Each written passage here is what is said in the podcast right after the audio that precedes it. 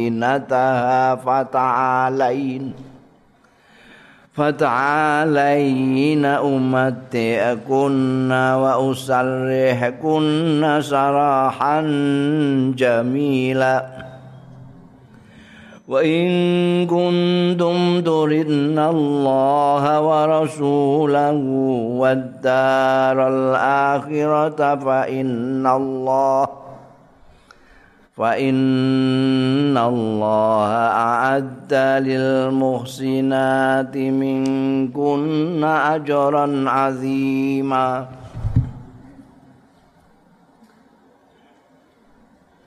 Ya ayuhan nabi, he nabi. Maksudnya nabi kita kanjeng Nabi Muhammad tentu saja. Kul dawa sira li azwajika maring garwa-garwa ira ing kuntun. Lamun ana sira kabeh sira wadon-wadon turitna. Ngarepake sira wadon al hayata dunya ing kehidupan dunya dunya nganggo maknane rendah ya dunya iku wa zinataha lan pepaes sing dunya fata'alain. Mongko rene ira wadon-wadon umatik kuna tak kepenakno sira kabeh.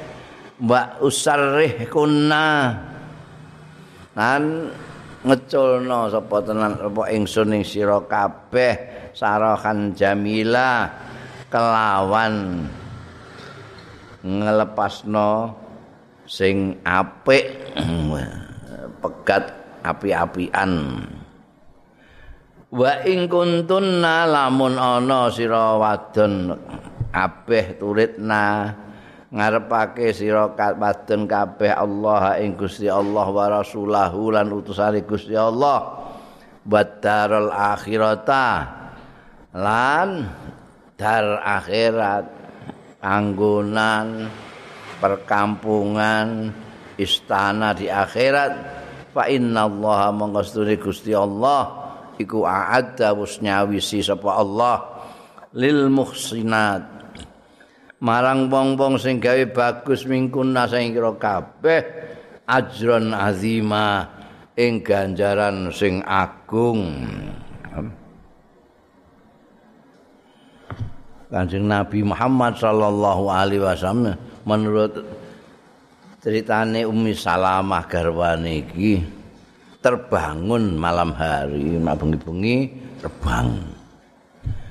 Terus ngendika la ilaha illallah Maza unzila laila minal fitnah Maza unzila minal khazain.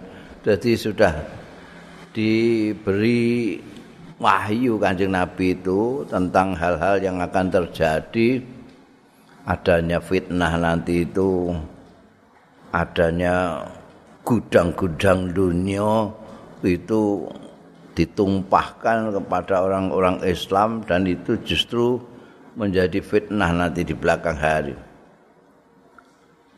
Ya. Dan itu terjadi. Baru sampai Sayyidina Utsman bin Affan itu sudah terjadi fitnah yang luar biasa di antara umat Islam. Meskipun bersamaan dengan itu kekuasaan Islam itu sampai ke mana-mana. Yang dulu menjadi miliknya Rom kena orang-orang Islam. Di Sam, di sekitar itu, saiki Syria, Palestina, ya. Libya terus itu. Kemudian sing dulu menjadi kekuasaannya Parsi, Irak, Iran sak piturute iku ya. Itu semuanya dikuasai umat Islam. Jadi Anjing Nabi ngabarno unzila minal khazain. Perbendaan, perbendaharaan, kekayaan, kekayaan dunia itu brek nanti orang-orang Islam. Kemudian juga diberitahukan kanjeng Nabi Muhammad sallallahu alaihi wasallam tentang garwa-garwane eh, kan makin ke sini makin ke sini bukan hanya orang laki-lakinya perempuan-perempuannya juga sudah berubah berubah berubah terus dunia itu dianggap pokok padahal apa namanya dunia itu cuma sak kelametan. Orang itu wingine kelambenan sing macam-macam ana klambi pagi, klambi siang, klambi sore. Pakaian pesta, pakaian arisan, pakaian pasar, pakaian karu-karuan. Padahal banyak orang yang ning dunya pakaiane tumpuk-tumpuk ning gone dina kiamat belas ora kelambenan udo blecet. Karena mementingkan duniawi melupakan akhirat.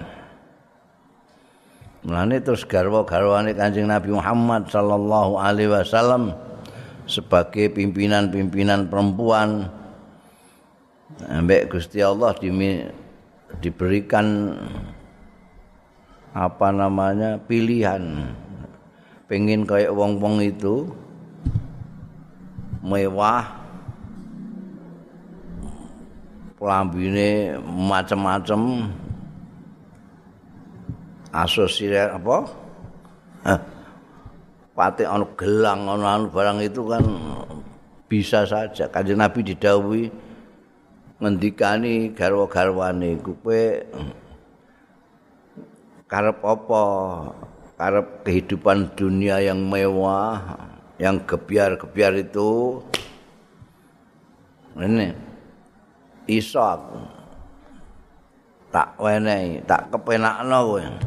Tapi ya tak lepaskan.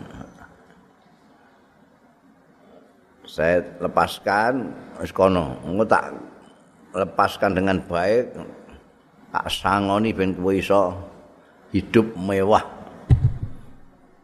ning dunia iki. Atau kalian semua pilih Gusti Allah pilih utusan Gusti Allah lan darul akhirah. Silahkan. Nek kepengin darul akhirah derek Gusti Allah utusane Gusti Allah ya kowe kudu nampa apa anane. Dadi garwane nabi iku ora iso mewah-mewahan malah melarat Siti Aisyah itu kan tahu cerita itu mau duwe kurma siji. Bayangno itu. Bojone Nabi, dunia utusannya Allah, mau duwe kurma siji. Iku ae durung didahar ana sing njaluk wong wedok nggendong anake njaluk. Gak duwe liyane iku ya dikekno iku. Wong wedok iki terus paronan ambek anake kita wis susuwi banget nanti parut diwehno anake supaya dipangan dhewe. Nalika Siti Aisyah matur ning Kanjeng Rasul sallallahu alaihi wasallam itu ya Kanjeng Nabi itu ya engko ning akhirat ana. yang dikendaki itu memang darul akhirah bukan dunia. Ya umumnya wong ya apa meneh wong wedok itu ya mesti kepengin lah kebiar-kebiar ing donya ngono iku ya. Pakaian sing necis. Aksesorine itu lengkap, ceplikan apa apa jenenge? Diane ceplik apa iku? Anting-antingan. Gelangan, kalungan, kalungan ya. Gelangan mergo wis ditiru karo cah lanang-lanang terus gelange ning ngisor sikil di sana. Jenenge binggel. Hmm. anting-antingi yo irunge barang dianting-antingi wah kening dunya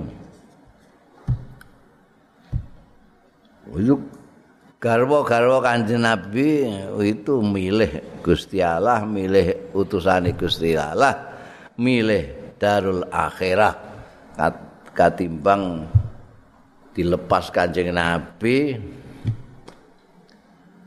senajan hidup mewah. Saiki nek dikai pilihan cah wedok-wedok kira-kira piye? Hmm. Kowe urip kepenak segala macam ada jadi bojone pengusaha kaya raya. eh? tapi gak tahu ning omah mergo berusaha terus pemenah kok marahi kowe ngejak sembahyang bareng raun apa dikawin kiai melarat? Metonan pesantren. Melarat.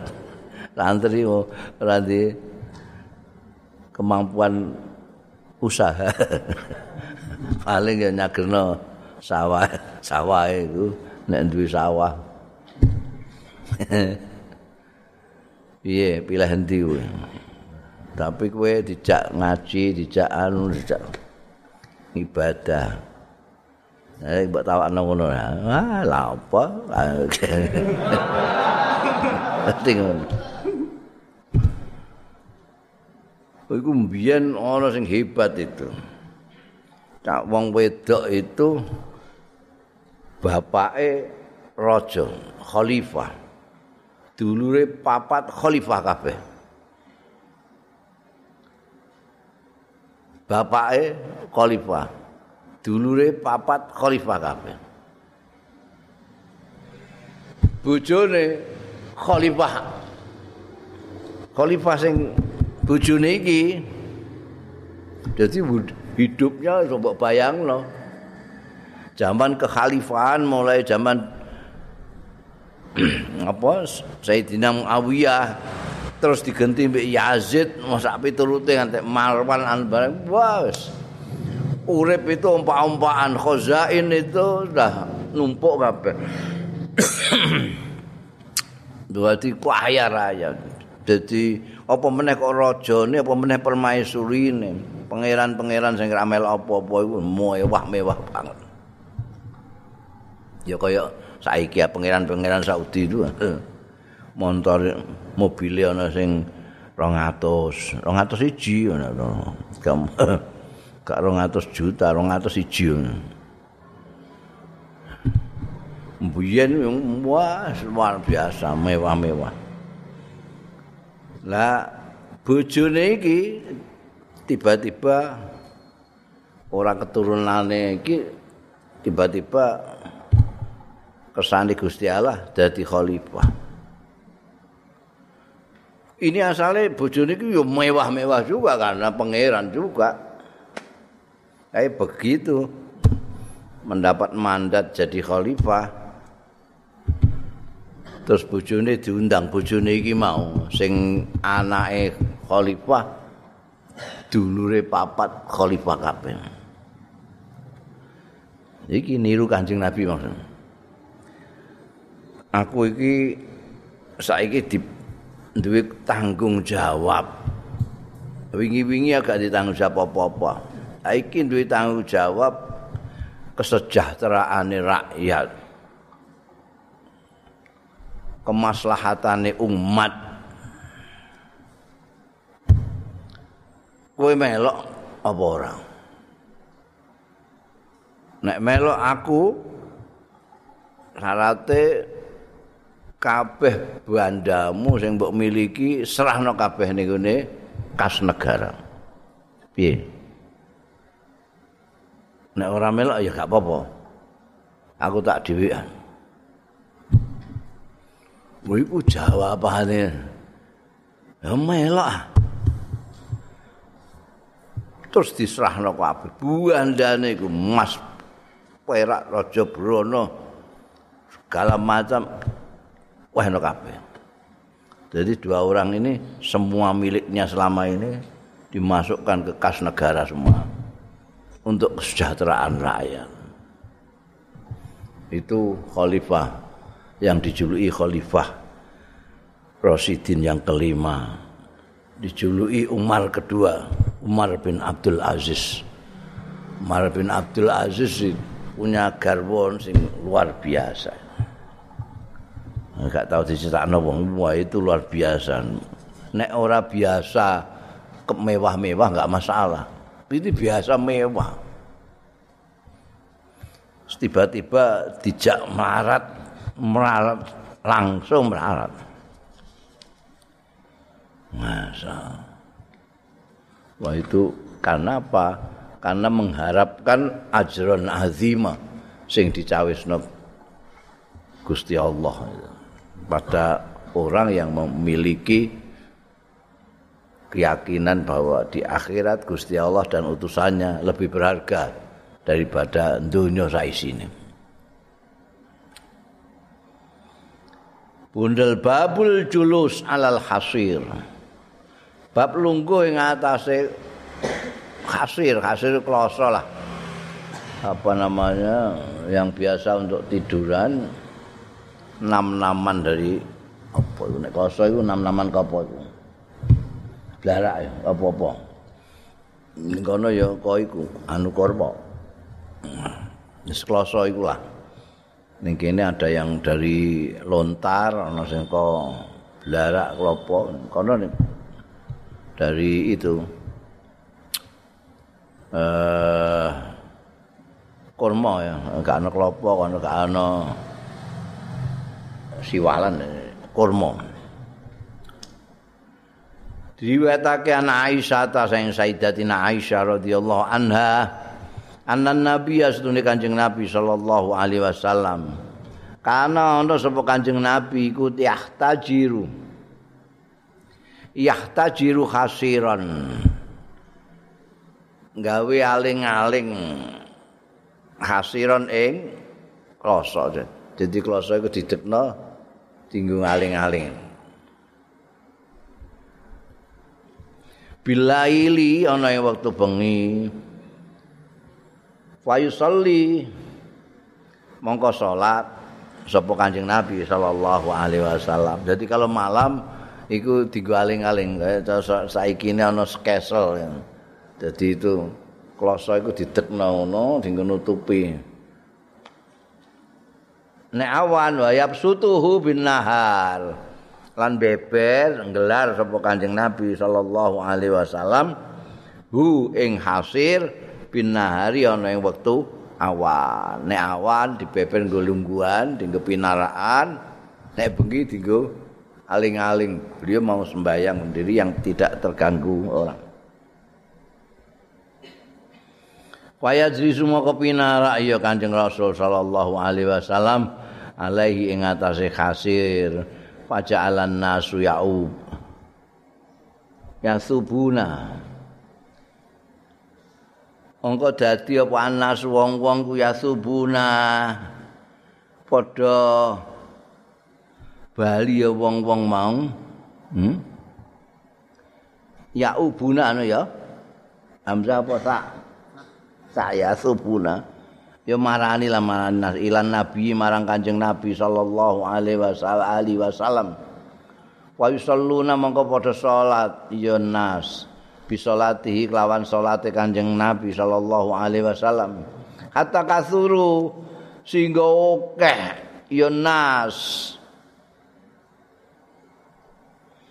Fa akbala mongko madhep Bapak Kanjeng Nabi sallallahu alaihi wasallam Faqala maka dawuh sapa Kanjeng Nabi. Ya ayuhan nas, e wong-wong khudzu minal a'mali matutikun. Ngalampo sira kabeh minal a'mali saing pira-pira ngamal ngalap maing amal tutikuna kang mampu sira kabeh. Fa innallaha maka setune Gusti Allah iku layamal. ora jenuh, ora bosen Ya Allah hatta tamalu sehingga bosen sira sehingga jenuh sira kabeh. Wa inna ahabbal a'mal mangsetuhune luweh didemenine pira-pira ngamal ilallah marang Gusti Allah iku ma amal dama kang langgeng ya ma wa ing senajan kidik ya amal ya ma. Itu kanjeng Nabi itu welas asih karo umat itu luar biasa. Luar biasa. Beliau itu mempunyai kebiasaan sholat sendirian nek sholat itu yo kan itu digambarkan ngantek sukune abah barang ngono kuwi nah itu biyen permulaan itu ada yang melok-melok gitu. Begitu kanjeng Nabi sholat, melok sholat. Wis didang-dangi anu barang wis tetep melok ngono kanjeng Nabi sholat, melok sholat. Mergo saking setiane saking kepingine nderekke apa ae langkahe kanjeng Nabi Muhammad sallallahu alaihi wasallam. Nah itu barang ngerti wong pirang-pirang iku malah kanjeng Nabi dawuhe sampean kabeh iki lha apa nek ngetutno aku iku. Nek ngamal iku ya sing sak wate saja sak kuatmu seberapa kamu kuat itu aja. Kekuatan orang kan tidak sama. Kekuatanmu dengan kekuatanku beda. Maka beramalah sesuai kekuatan kamu. Ojo mbok paksakan kepengin kaya aku. Gampangane. Lha di Kanjeng Nabi enggak sepisan pindho meremakno umatnya ini supaya ya apik lah. Niru sembayang niru aku ya apik tapi wong kan duwe kemampuan. Kadang-kadang memaksakan diri niru tapi terus engkau wah jenuh engkau terus apa jenenge? Bosen terus gitu. Mulane kanjeng Nabi ndawuhi apa jenenge? Kalian semua itu ambil aja yang sesuai dengan kemampuanmu ngamal itu. Karena Tuhan tidak akan bosen mbok adepi terus, mbok sujudi terus, enggak akan bosen. Kamu nanti yang bosen. Kalau kamu bosen, bosen kok ngibadah itu ya. Ngamal yang paling baik itu yang tidak pakai bosen-bosen, yang tidak pakai berhenti, terus menerus, meskipun sedikit. Itu yang paling disukai Gusti Allah. Bukan kok waki, tapi bariku terus tenger-tenger. Wah, kelingan diwingi wis terus saiki wis ora usah ngono. Dimaca Quran terus kepengin khatam sak wulan ping 30 misalnya. Lah apa? Emang. Enggak perlu karena itu nanti akan bikin orang jenuh. Gusti Allah tidak jenuh sama kita orang itu yang punya jenuh itu bab lebih baik maca Quran itu tak jus utawa nek kowe kurang sithik sak jus iku ya sak surat ngono ya. Sak surat malah kaken.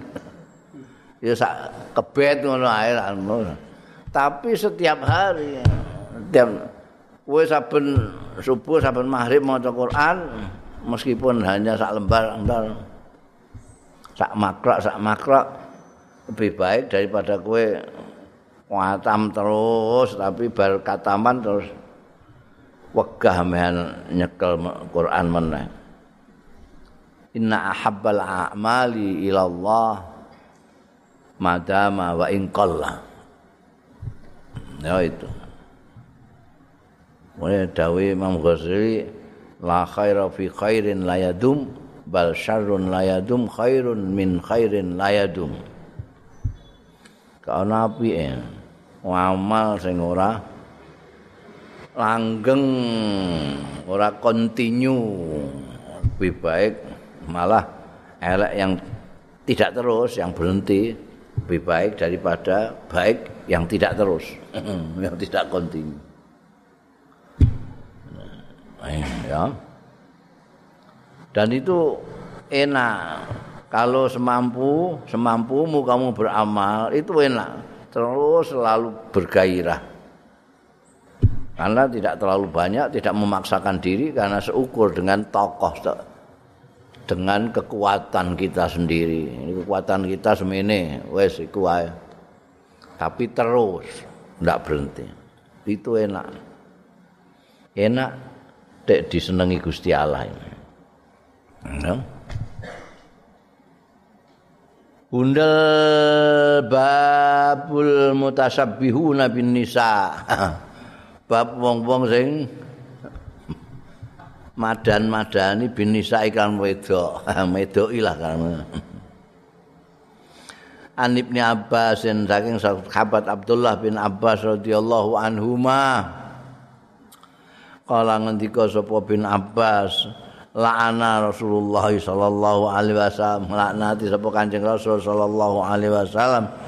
Al mutasabbihin ing wong-wong sing madan apa? Madan-madani minar rijal sing wong-wong lanang madan-madani bisnis kelawan wong-wong wadon. Wal mutasabbihati lan wong wadon-wadon sing madan-madani nyupan-nyupani minan nisa isane wong-wong wadon birijali kawan wong lanang lanang. Eh cah lanang terus rok-rokan. Jarian lipstikan. Ngono iku jenenge wong lanang medoki wong wedok juga gitu eh wedok mata-mata lanang rambutnya dipotong kaya wong lanang nganggo kathok cekak. Kaya cah lanang ameh menek klopo ngono iku.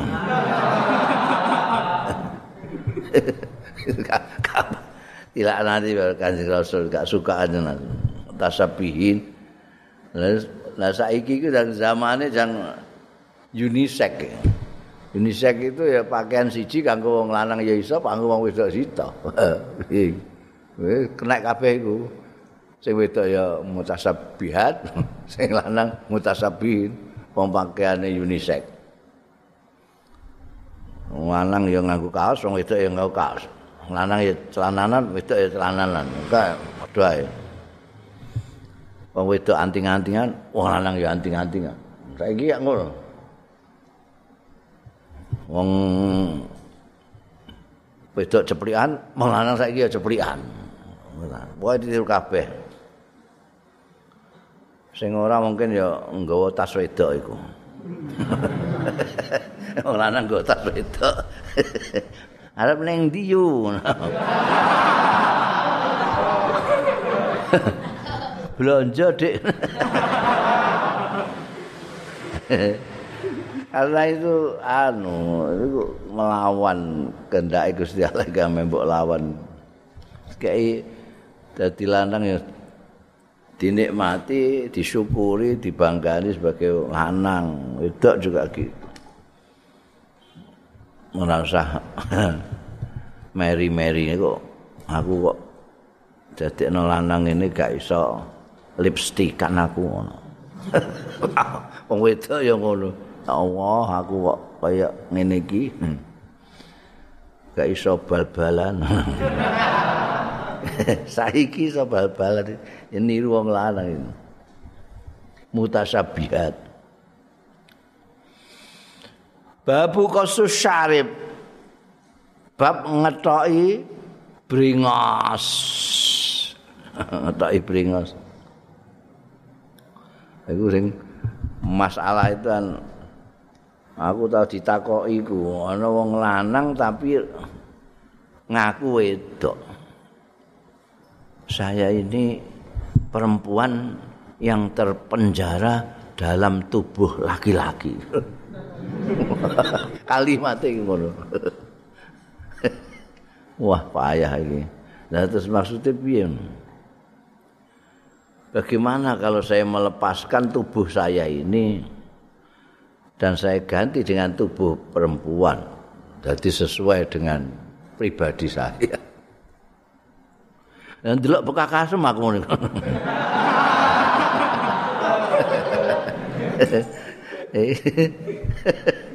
itu kan khunsa itu kan ana khunsa sing parek karo lanang ana sing pangkep karo wedok.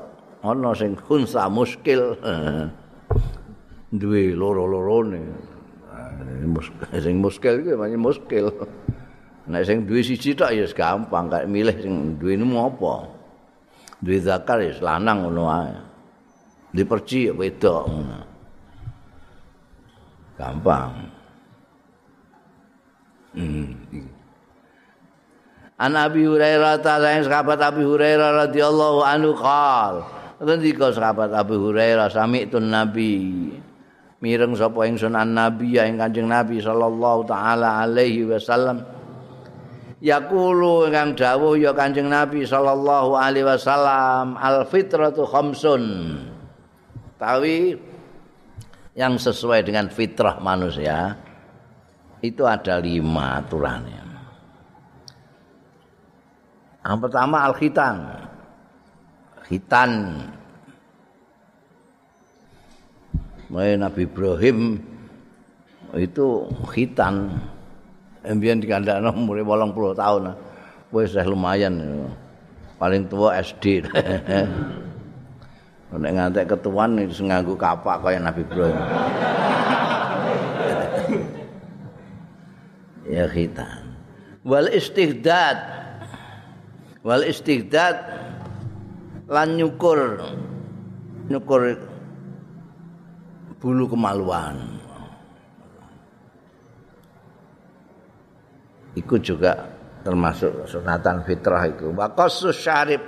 Kan ngetoki brengos nek duwe brengos kan di brengos mbok ketoki apa? Lambemu wa taqlimul azfar lan ngetoki kuku. Wa natful abad lan jabuti puluh kelek. Ya. Gede dhewe. Ana sing ngetok konokan iku jenenge khitan, ana sing ngetok rambut ana iku jenenge istihdad, nganggo silet apa nganggo nyukur. Nek bringos dipotong nganggo gunting. Nek kuku yang aku gunting saiki wis enek gunting nggo motong kuku anek dhewe. Nek kelek dijabuti. Eh nek mbok cukur engko guatel iku wong. Nyerongot-nyerongot dadi kuaku nek bardian mulane jabuti.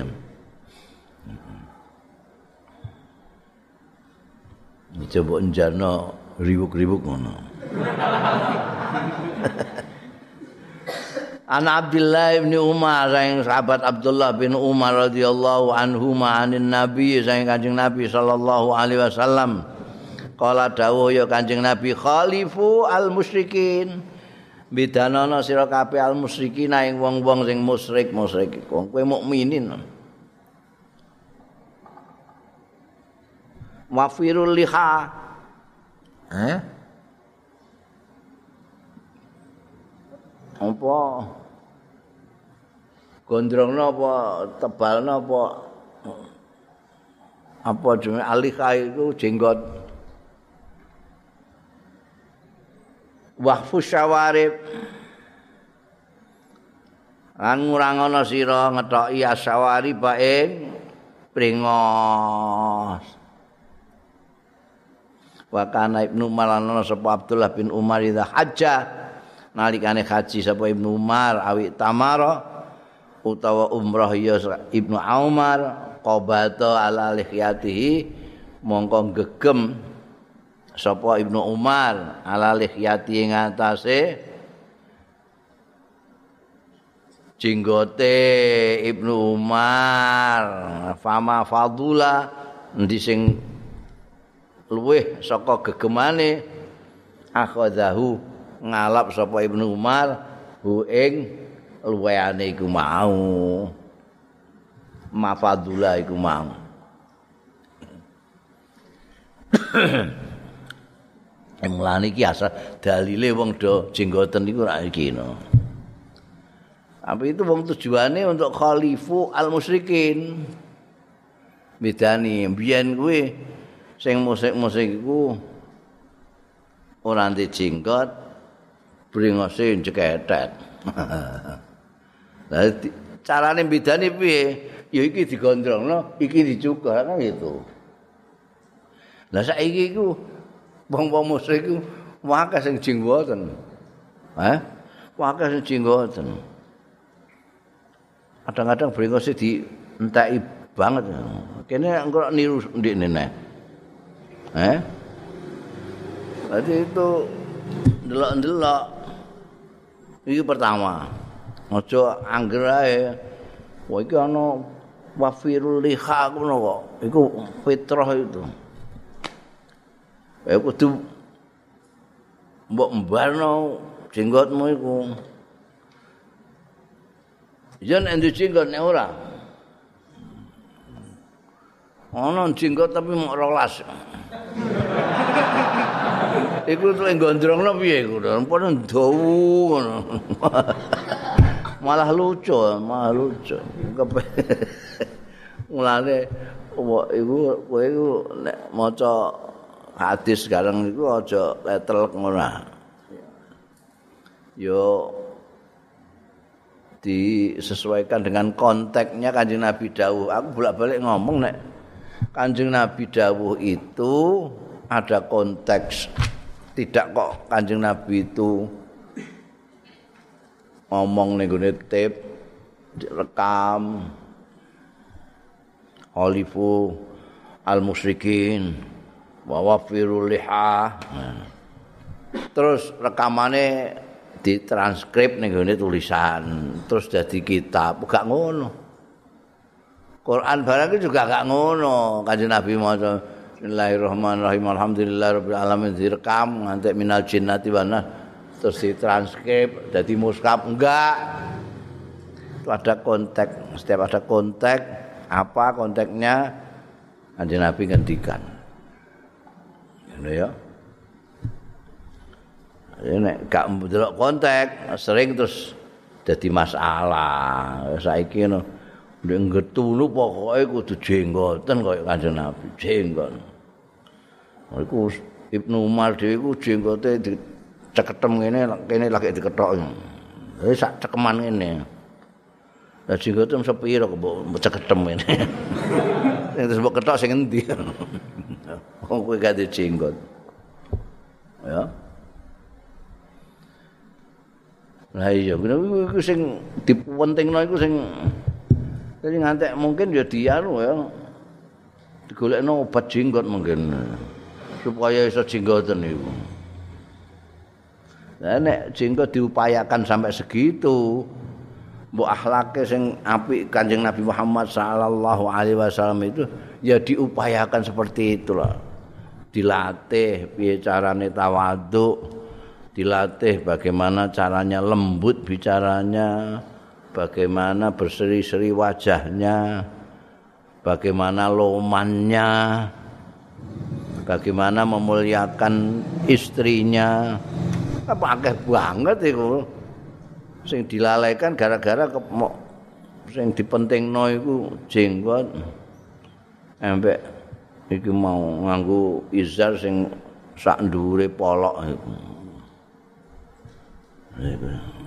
liya-liyane sing apik-apik iku gak gelem usahane. Apik karo dulur, apik karo tangga, geneman sing apik diusakno iku luweh mosok luweh angel tinimbangane ngingu jenggot.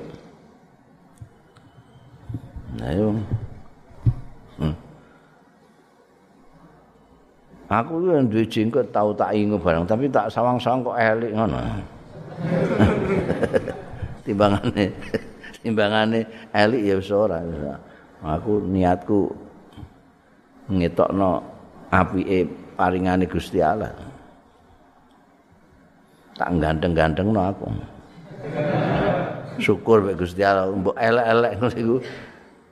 Ngelek-ngelek ciptaane Gusti Allah kuwi. Hmm. Mungkin sing anu ora tau ngilu apa piye. Wis ngasani wong jan. An Abi Hurairah radhiyallahu anhu qol, saking Sayyidina Abu Hurairah radhiyallahu anhu kala ngendika sapa Abu Hurairah kala dawuh sapa an Nabi Kanjeng Nabi sallallahu alaihi wasallam innal yahuda wan nasara layas layas bughuna wong Yahudi wong Nasrani iki ora nyemir kae. Dadi rambuté ya dibanono ngono ae, sing ireng ya ireng. Sing apa? Jenggote sing putih ya tetep putih. Fakhalifuhum moko nyulana sira kabeh hum ing Yahudi Nasara. Ngono ya. ora tau wong Yahudi Nasrani nek putih ya ben putih nek sing ireng ya ben tetep ireng ora ana di semir abang coklat barang ngono iku terus kongkon nulayani mulane saiki akeh kowe nek engko ning Mekah pas umroh apa haji umroh kowe jenggot iku ana sing abang ana sing coklat iku mergo di disobak di disemir dicelup. Tujuane ya apa jenenge nulayani iku nderekake dawuh Kanjeng Nabi khaliful yahud wan nasara.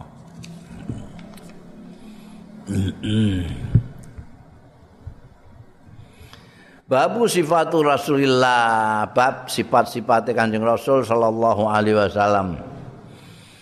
An Anas bin Malik sekali lagi Anas bin Malik ini sahabat yang pernah derek ke kanjeng Nabi jadi pelayannya kanjeng Nabi lebih dari 10 tahun jadi nek kon cerita tentang kanjeng Nabi Muhammad sallallahu alaihi wasallam ya wasis banget. An Anas bin Malik radhiyallahu anhu qol ngendika sapa Anas bin Malik? Karena Rasulullah ana sapa Kanjeng Rasul sallallahu alaihi wa alihi wasallam? Ana iku laisa bitawilil bain. Ora ana iku bitawil kan dhuwur albain sing banget dhuwure ngantek diarani jelongring utawa jangkung ora wala bil qasiri lan ora pendek. Walaisa bil abyad al amhaq lan ora ana sapa kanjeng nabi ku bil abyadil amhaq kelawan putih memplak. Dem memplak kaya tembok. Putih tih walaisa bil adami lan ora bil adami kelawan adam ireng walaisa bil jidi al qatat Lan ora ana Kanjeng Nabi Muhammad sallallahu alaihi wasallam rikmane bil jidil qatat kelawan uh, kriting gimbal. kriting ana kriting sing keluar-keluar ngono iku. Uh, mbok leboni potrot iso mlebu ora ora ceblok iku. Iku jenenge jidil qatat. Tapi juga wala bil pasti. ora lurus banget.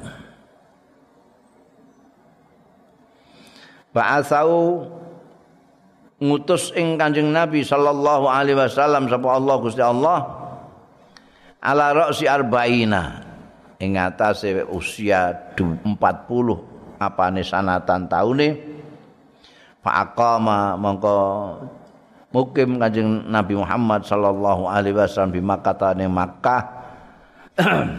Asra sinina 10 sinina 10 tahun wabil Madinati asro sinin. Ana ing Madinah 10 tahun wa tawaffahu lan mundut ing Kanjeng Nabi sapa Allah Gusti Allah ala ra'si sittina ing atase yuswa swidak apane sanatan taune. Ini salah satu yang dipakai kaul bahwa Kanjeng Nabi ku yuswane mok swidak.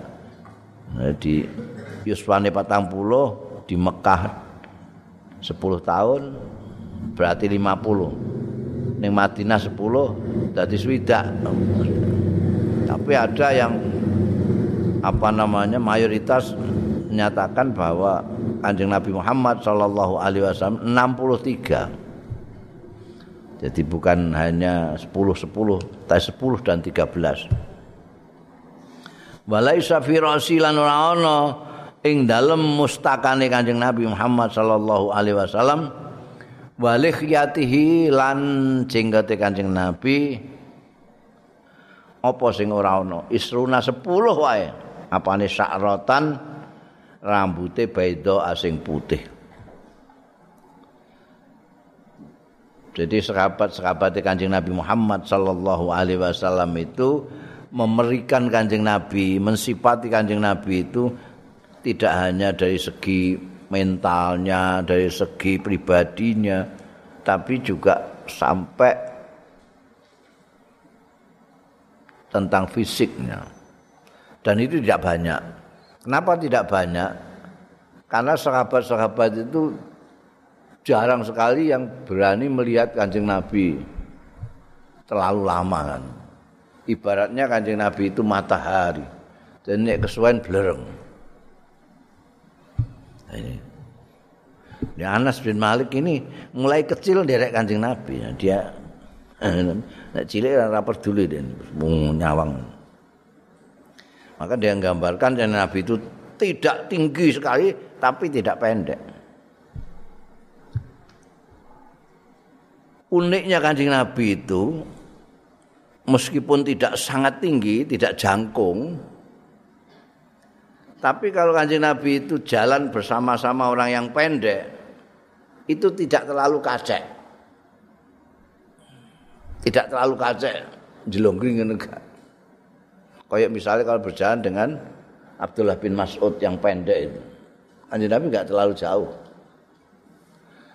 Tapi naik berjalan dengan yang tinggi sekali seperti Sayyidina Umar gitu. Sayyidina Umar tetap kalah dhuwur mek Kanjeng Nabi kata sithik. Jadi meskipun tidak jangkung, semua orang yang jangkung itu di bawah Kanjeng Nabi. Kenapa? Seperti yang pernah saya katakan karena proporsi tubuhnya itu sedemikian simetris, demikian pas.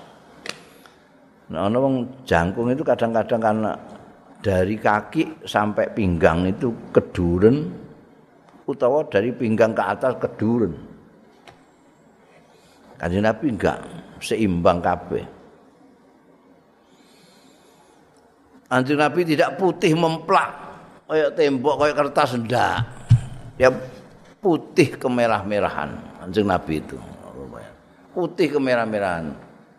Kalau kena panas agak kemerahan. Utawa kanjeng Nabi rada enggak enggak reno penggali ya kelihatan merah. bukan abyad amhak rambut itu tembok. Tapi tidak hitam di sana. Rambutnya tidak keriting tapi tidak lurus. Jadi apa? Ngombak. Apa istilahnya ngombak itu? Gelombang. Bukan rambut itu. Bukan rambut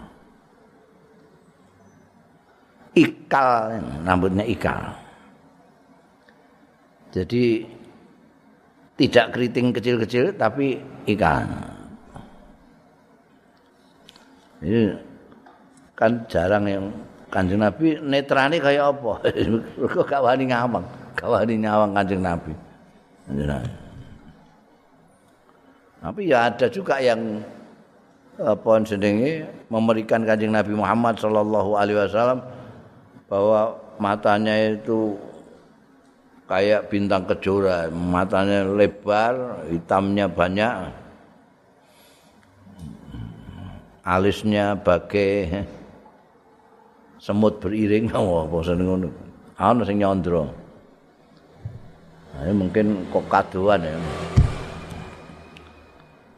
Kanjeng Nabi berjuang menjadi utusane Gusti Allah taala memperjuangkan agama di Gusti Allah itu di Mekah itu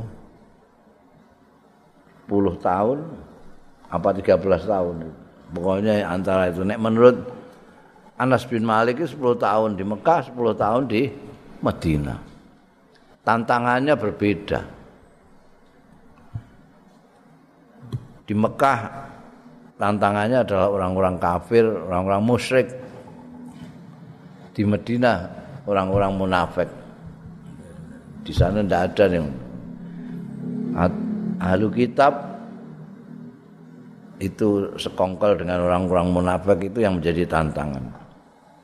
Anjing Nabi tapi ala kulihal nih Medina sudah mapan tinggal menyampaikan apa-apa yang diperintahkan Allah meskipun selalu diganggu oleh orang-orang munafik ini. Orang kufar Mekah, musyrik juga nyatroni ke Medina, ke Badar, ke Uhud segala macam, tapi tidak cukup berarti. Kanjeng Nabi terus berjuang sampai Fathu Mekah mengalahkan lawan-lawan sing paling lawan yang dari awal memang memusuhi Kanjeng Nabi Muhammad sallallahu alaihi wasallam. baru setelah itu melawan Romawi dan Parsi yang merasa adik kuasa di dunia ini. Hmm. Babul imtisab wallahu alam.